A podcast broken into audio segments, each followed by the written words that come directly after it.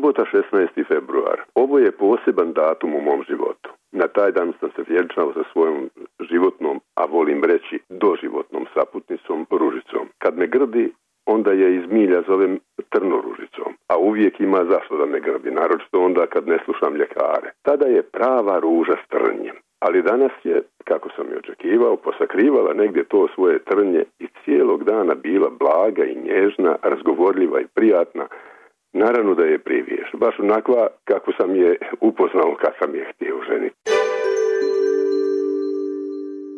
Nedjelja 17. februar.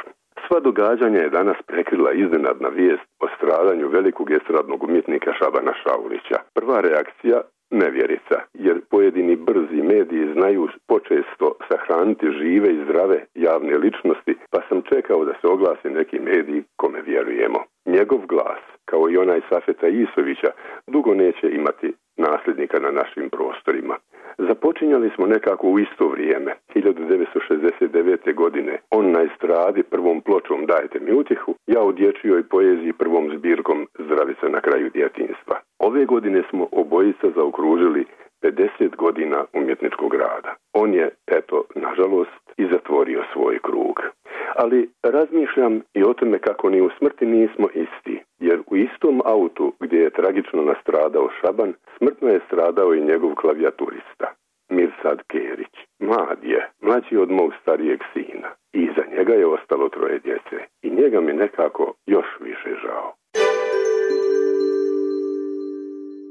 Ponedjeljak 18. februar. Ne stišava se reakcija javnosti, prije svega članova udruženja hrvatskih pisaca za djecu i mlade, na odluku Ministarstva za obrazovanje Hrvatske da se u novom kurikulumu iz lektire izbace neka klasična dijela domaće i svjetske dječje književnosti uz koje su odrastale brojne generacije.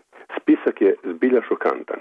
Mali princ, Ježeva kućica, Dnevni Kane i Frank, Pipi Duga Čarapa, Pinokio, Alisa u zemlju čudesa, Doživlja i Huckleberry Fina, Heidi, Grgač Varak, Srebrne svirale, Mačak, Džingisan i Miki Zrasi, Miševi i mačke na glavačke, sve na glavačke iz lektijskog programa. Pisac izbačen iz lektire i školskog programa u našim kulturnim prostorima ima odlične predispozicije da bude i stvarno mrtav pisac. Dakle, tom skandaloznom odlukom ovi pisci su praktično mrtvi po drugi put. To nama piscima ne radi struka, to nam radi politika. Otkako je ona umiješala prste u obrazovanje, sve nam je pošlo na opačke. Nije to samo hrvatski izum. U Bosni su to uradili još prije nekoliko godina. Doduše ne tako drastično, pa je prošla tiše, ali počistili su malog princa, Pipi Dugu Čarapu, Hajdi, Čelisu Maju, Veliki talas, prosanjane jesen.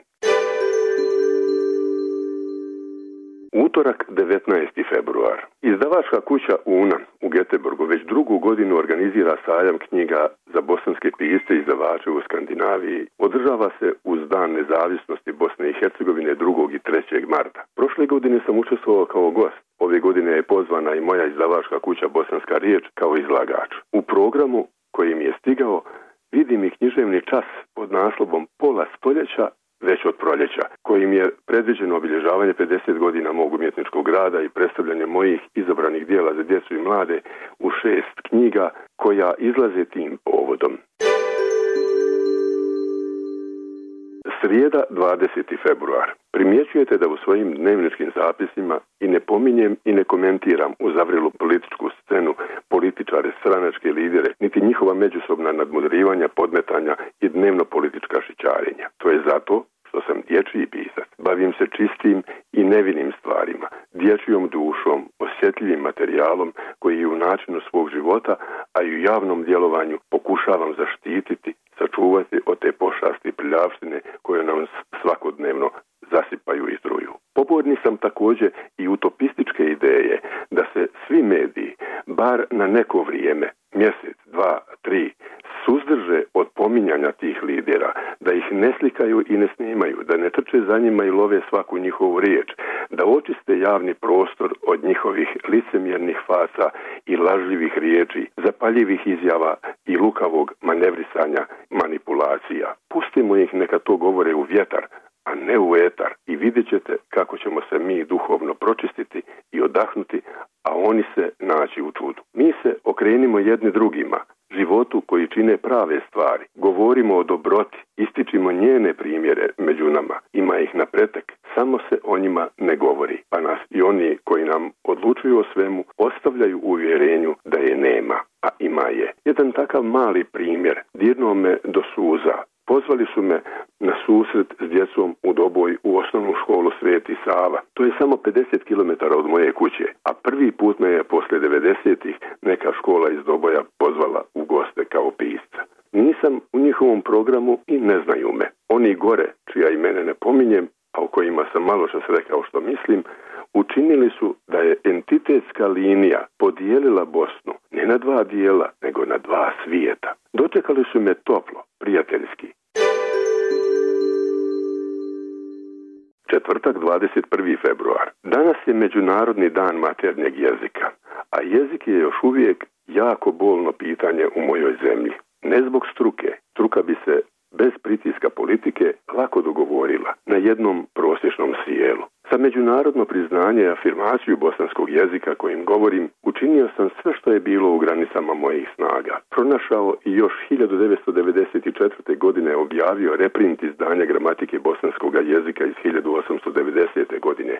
Objavio četiri različita rječnika tog jezika i oko 900 naslova u 25 godina postojanja moje izdavačke kuće. Izborio se da na odjeljenjima strane literature u oko stotinu biblioteka u Europi i svijetu uz ostale strane jezike bude postavljena i polica s knjigama na bosanskom jeziku. Uz 110. godišnjicu zabrane upotrebe bosanskog jezika pronašao originalne dokumente zemaljske vlade Austro-Ugarske o zabrani, dao ih prevesti i u stručne komentare objaviti u knjizi Zašto je zabranjen bosanski jezik.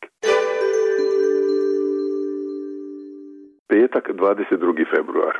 Lijepa vijest. Javlja mi se prevodilac iz Ukrajine izvesni Volodimir Krinicki. Preveo je moju knjigu Tako smo rasli na ukrajinski i našao zainteresiranog izdavača. Eto neka konkretna korist od nagrade Astrid Lindgren Memorial Award za koju sam nominiran za ovu godinu. Kao ni prije devet godina kad su me prvi put nominirali za ovo najveće svjetsko priznanje za dječju literaturu, ne nadam se nagradi, ali lijepo je biti na toj časnoj listi najznačajnijih autora koja i pisca i državu koju predstavlja na lijep način promovira u svijetu.